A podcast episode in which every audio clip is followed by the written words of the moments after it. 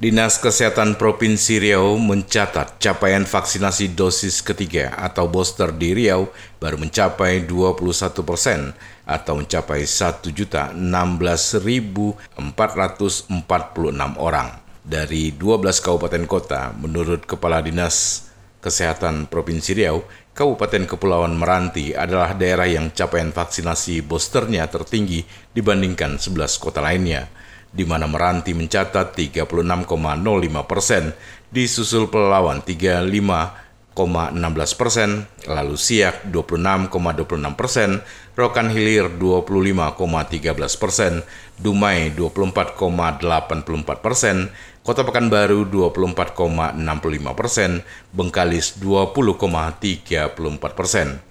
Selanjutnya Rokan Hulu 17,18 persen, Indra Giri Hilir 16,16 persen, Indra Giri Hulu 14,04 persen, Kampar 12,96 persen, dan Kuansing 12,93 persen.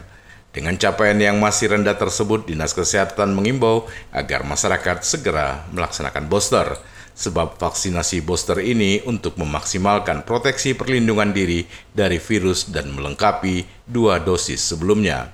Untuk mempermudah masyarakat mendapatkan vaksin booster ini, menurut Zainal, pihaknya akan memaksimalkan kembali pelaksanaan vaksinasi booster massal.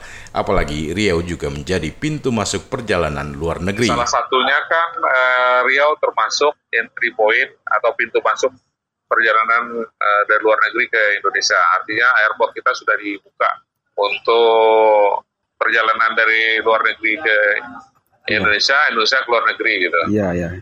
Nah, jadi tadi kami sudah rapat bersama Angkasa Pura dengan CIP, kemudian imigrasi, hmm. uh, dinas perhubungan, KKP, dan hmm. dinas kota. Iya. Artinya kita siap gitu untuk menerima uh, dan memberangkatkan orang ke luar negeri. Hmm. Hanya saja karena memang penerbangan itu baru dilakukan nanti uh, yang sudah membuka itu uh, ke Malaka uh-huh. tanggal 22 Agustus. Hmm. Mungkin nanti kami akan melakukan simulasi bagaimana penanganannya pada waktu uh, seminggu sebelum uh, jalur pemberangkatan dan penerimaan kedatangan itu dibuka di airport.